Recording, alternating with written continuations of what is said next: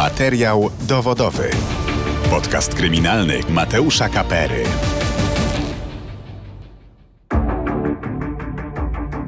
Dzień dobry, Mateusz Kapera. Zapraszam na specjalne wydanie podcastu kryminalnego Radia Z Materiał Dowodowy.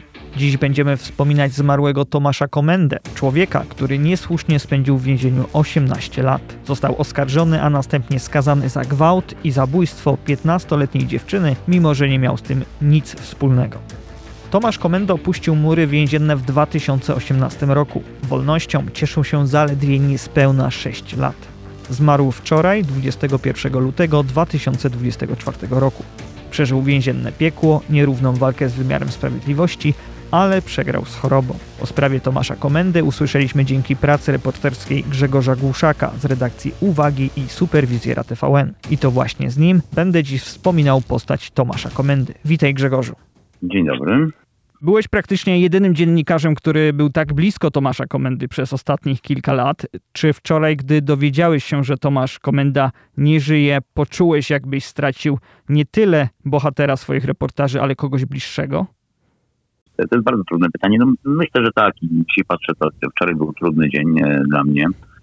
E, no ale miałem czas e, no, ale przespać się z tą myślą i też trochę, trochę refleksji. Tak, no myślę, że Tomek jednak był kimś więcej niż tylko przepraszam, ale za brzydkie słowo, ale obiektem zainteresowania dziennikarskiego. No my pokusnęliśmy się jakby tej naszej znajomości, na pewno do, do bliskiej znajomości, może nawet, może nawet w jakimś sensie staliśmy się e, przyjaciółmi.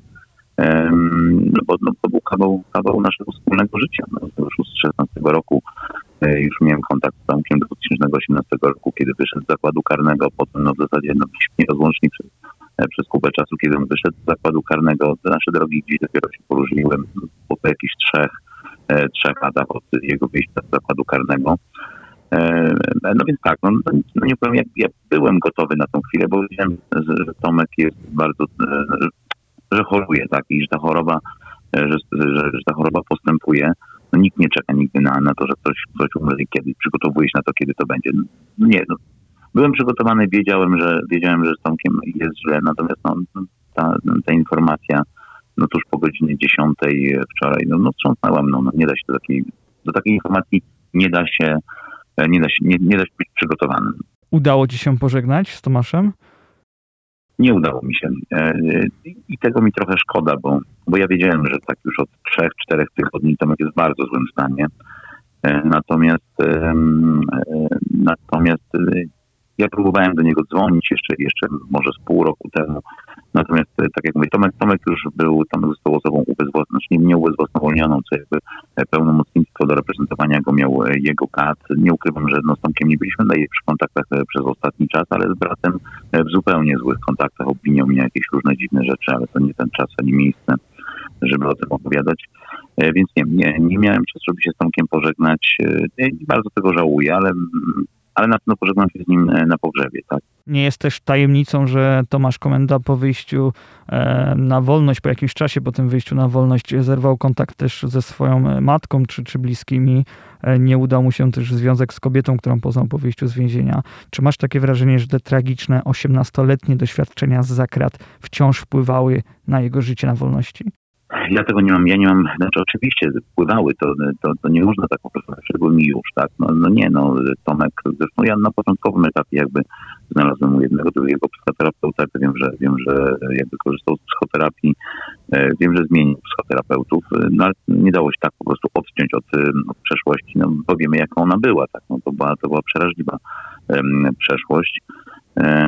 Na pewno tak, że ja mam, ja tak naprawdę największą klęską według, według mnie tej historii jest to, że właśnie zerwał kontakt z osobą, która najbardziej go kochała, czyli z mamą Tereską, bo y, ona oddała całe życie dla niego. Ona w każdym, każdego tygodnia jeździła do niego do zakładu karnego, wypływała sobie flaki, żeby przysłowiowe, żeby, żeby przygotować jakąś paczkę dla niego, żeby, żeby żeby, ten, żeby w zakładzie karnym miał jak najlepiej. I on, wiem, że to nie, nie pod wpływem, to, to, był, to był bardzo dobry człowiek, ale niestety niektórzy ludzie mieli na niego zły wpływ i, i przez to odciął się od mamy. To zresztą publicznie, publicznie gdzieś pojawiały się takie informacje, że mama bardzo miała żal do Tomka e, od tego, że się od niej, za to, że się od niej odsunął. Mi kiedyś powiedziała, to, to mną wstrząsnęło i to, i to chyba najbardziej, jak kiedyś rozmawiałem z Tereską, powiedziała mi, że Grzesiu, ja już nie mam nie tylko jednego syna Tomka, ale i też nie mam drugiego syna Gerarda.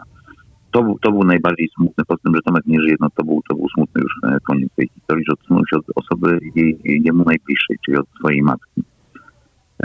Wydaje mi się, że tego nie, nie za bardzo będę mógł wybaczyć.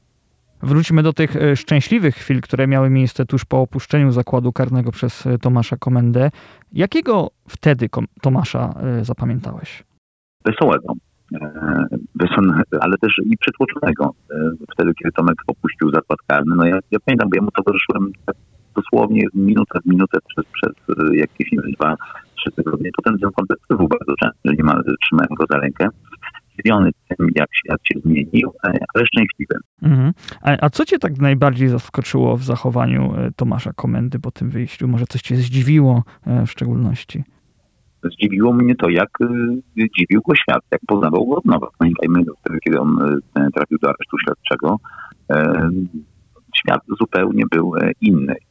On otwierał szeroko oczy. On poznawał tak naprawdę wszystko od nowa. I to było dla mnie zdziwieniem, bo sytuacja zupełnie nienormalna. Coś, co dla nas jest E, rzeczą normalną, no dla niego taką rzeczą normalną nie było. No. Umówmy się, może to już nie była era, w której go zamykano, może to już nie była era małych kwiatów i polonezów, no ale, e, ale jednak no, ulice się zmieniły. Wszystko się w zasadzie zmieniło. Tak?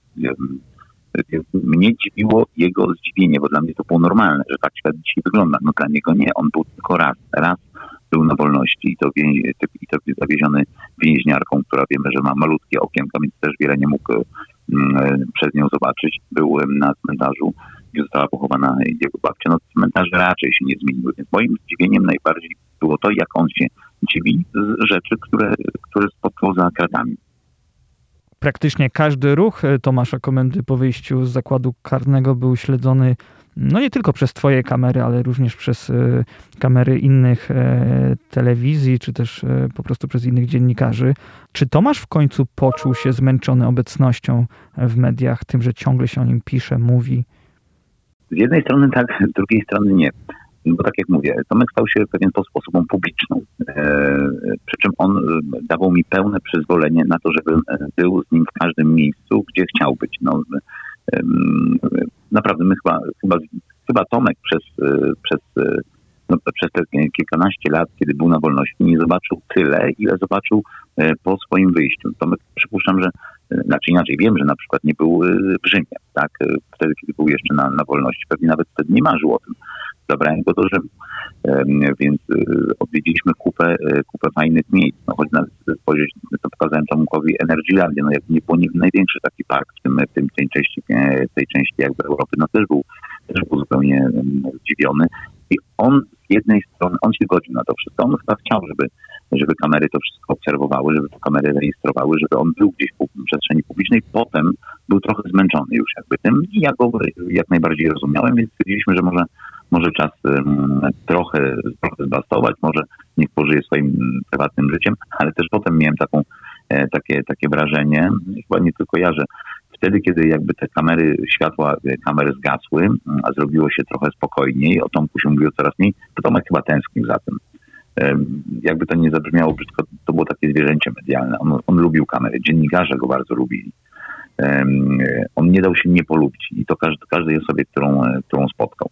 On był bardzo ciepły, bardzo ciepły, bardzo wrażliwą osobą. Czasami się mnie pytał Grzesiek, ale czy rozmawiać z tym dziennikarzem, czy z tamtym. Ja mówię, Tomek, to jest tylko i wyłącznie e, twoja wola i z kim ty chcesz rozmawiać, to jest, to jest e, tylko i wyłącznie twoja decyzja. Ja rozmawiał z dziennikarzem, nie miał z tym żadnego problemu. Wszyscy go lubili. To było tak, że nawet nie musiałem jakby e, Tomka, znaczy wszyscy Tomka znali, ale nie musiałem znaczy Tomek od razu, od razu jakby odnajdywał wspólny język ze wszystkimi. Zarówno z dziennikarzami, ale też jakby z innymi osobami, których, których poznawał. Nawet na ulicy no niejednokrotnie byłem świadkiem takich sytuacji, kiedy ktoś podchodził do Tomka, gratulował. No oczywiście Tomek jak najbardziej pozwolił sobie selfika zrobić z nim.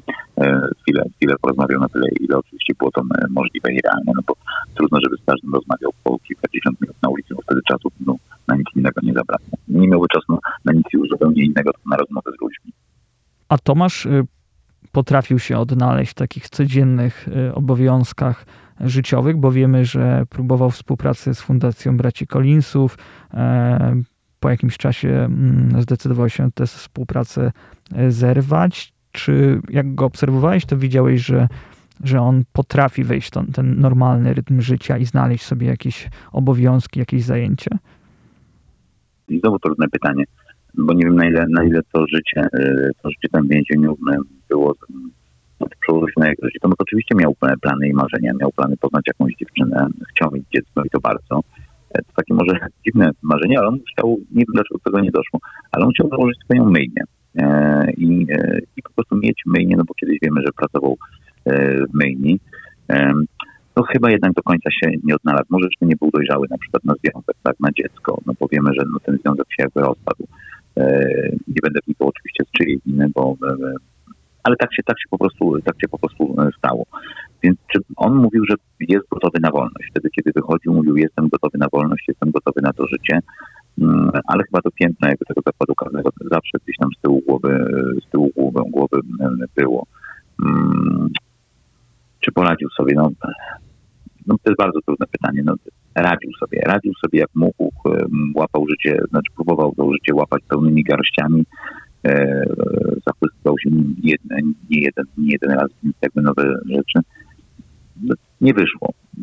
Gdybyś mi zadał pytanie, czy to było szczęśliwe 6 lat, myślę, że duża część, e, duża część tych 6 lat, które był na wolności, e, to były szczęśliwe chwile dla niego. Nie wiem natomiast, jak, jak wyglądały te ostatnie 2-3 lata, bo może to źle zabrzmi, no to, to trochę, trochę ja, mama, bracia, dwaj zostali od, odseparowani od nas, tak, od osób, które, które starały się mu pomóc w każdym momencie, w którym, w którym takiej pomocy potrzebował.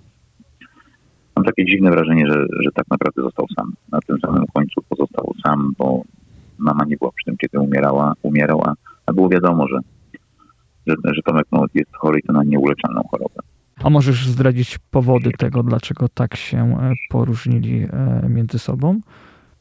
Mama też trochę o tym mówiła, więc, więc też chyba nie będę, e, może też nie jest czas, miejsce, ale mm, poróżnił rodzinę, poróżnił najstarszy brat.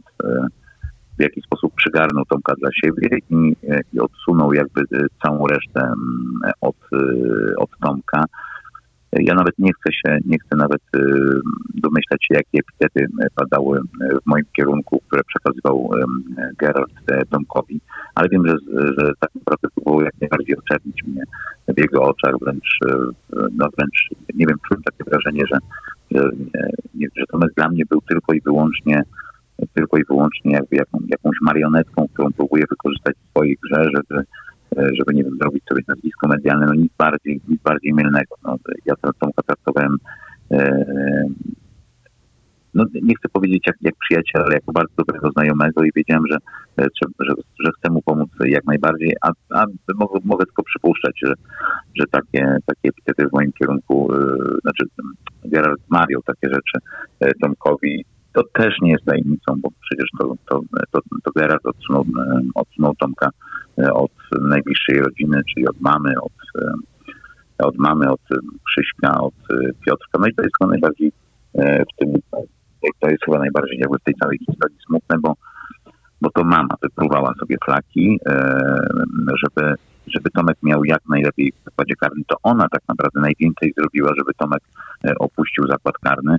To ona spotykała się ze mną, to ona rozmawiała ze mną godzinami, to, to ona E, poruszyła niebo i ziemię, żeby, żeby tą historię wyjaśnić od początku do końca. No i tak potem została potraktowana, nawet powiedziałbym, że nie przez niego, co bo Tomek, Tomek w ostatnim czasie chyba już nie był do końca świadomy, e, tylko, no, tylko przez swojego brata. No to jest najbardziej przykre w tej historii. A domyślasz, Myślę, domyślasz się, hmm. dlaczego Gerard e, oczerniał ciebie i też no, próbował skłócić Tomasza z całą rodziną? Nie wiem, nie mam zielonego pojęcia, ale Geralt w tej całej historii był osobą, która nie wzbudziła we mnie zaufania. On nie miał zaufania do mnie, ja nie miałem zaufania do niego i to od samego, od pierwszego spotkania. Od pierwszego spotkania, kiedy spotkaliśmy się we Wrocławiu, ja mu nie ufałem. Widocznie on mi też nie ufał. Może nie było tego czegoś, tak? Dlaczego? Nie mam zielonego pojęcia. Ja tylko mogę się domyśleć, a może, może znamiennym będzie to, że Tomek odsunął się od nas, czyli od ode mnie, od Remika, czyli policjanta, który, e, który go przecież uwolnił e, od matki, od e, Krzyśka, od, od Piotrka. Mm, jakoś tak dziwnie w momencie, kiedy to było niedługo po tym, kiedy, kiedy uzyskał odszkodowanie od, od Skarbu Państwa. Tu pozostawiam to, co myślę. Może zbyt wiele sugeruję, ale, No ale jakaś, jakoś ta zbieżność czasowa no, wydaje się nieprzypadkowa. Przypomnijmy tylko, że Tomasz Komenda otrzymał bodajże 13 milionów złotych odszkodowania, prawda? Od tak, niespełna, niespełna 13 milionów złotych. Mhm. Ty poznałeś Tomasza Komendę tak naprawdę już dawno temu.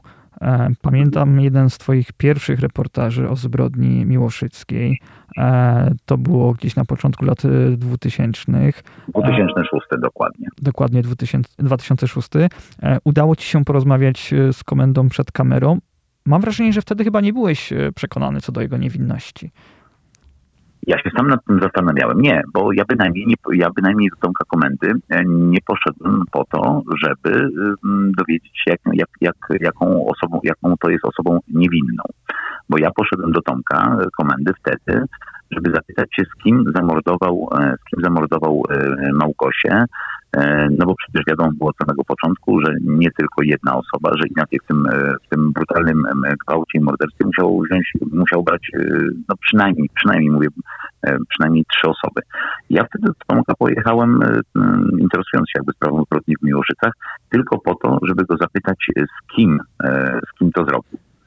Ja potem długo, długo zastanawiałem się, i, ale dopiero wtedy, jak Tomek wyszedł, e, to zastanawiałem się, e, jakie wtedy Tomek na mnie wrażenie zrobił. Cofnąłem się do tego materiału z 2006 roku, bo ja już nawet nie, nie pamiętam, jaką wypowiedź, e, jaką wypowiedź w tym reportażu z 2006 roku umieściłem. I wtedy, kiedy wtedy, kiedy jakby otworzyłem sobie tamten reportaż, to mm, ja pamiętam, on tam bardzo krótko się powiedział, ale, ale powiedział takie słowa i ja nie wiem, dlaczego one wtedy akurat zostały użyte w tamtym materiale, że, że tak mnie bili, że przynajmniej się nawet do, do tego, że zabiłem, e, zabiłem papieża. Ja nie wiem, e, ta historia, nie wiem, ja to, to mówię z perspektywy czasu, nie wiem dlaczego do mnie wróciła. Może, może tak musiało być, że miała do mnie wrócić. Ja Tomka już wtedy, kiedy był na wolności, e, ja go prze, przepraszałem wielokrotnie za to, że, nie, że nic nie zrobiłem w tym 2006 roku, tylko z perspektywy czasu ja wiem, że nic nie mogłem zrobić. Ja musiałbym się włamać do magazynu E, magazynu, magazynu dowodów rzeczowych Komendy Wojewódzkiej Policji wykraść odzież, odzież dziewczyny, która została zgwałcona i zamordowana, bo to tam przecież były ślady prawdziwych morderców, które udało się odnaleźć po latach. No powiem szczerze, czy mam wyrzuty sumienia? Trochę tak, może mogłem zrobić cokolwiek więcej, a nie zrobiłem.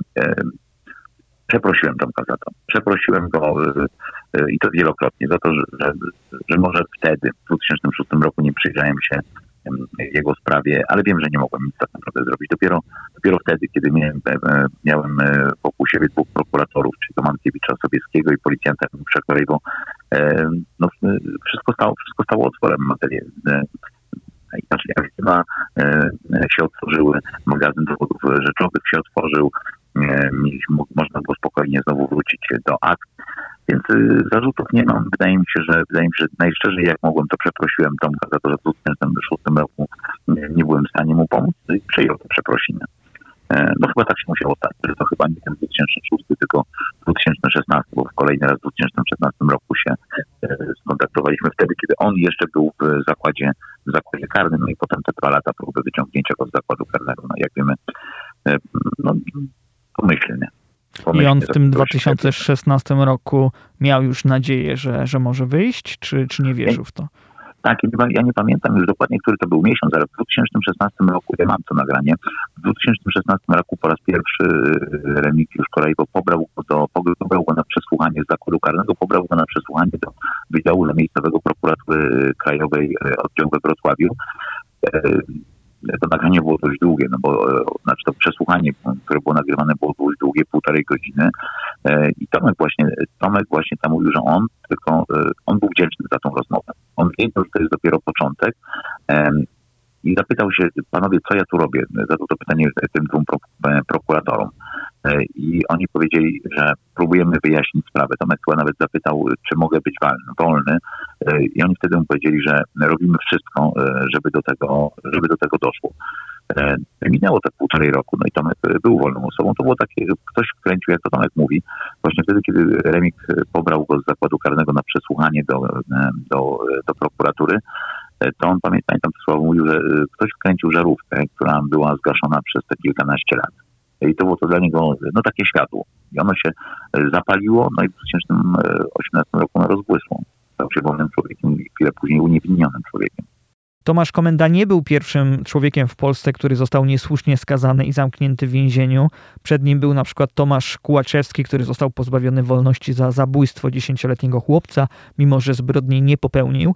E, ale mam wrażenie, że to komenda stał się właśnie takim symbolem niesprawiedliwości w wymiarze sprawiedliwości, mówiąc przewrotnie.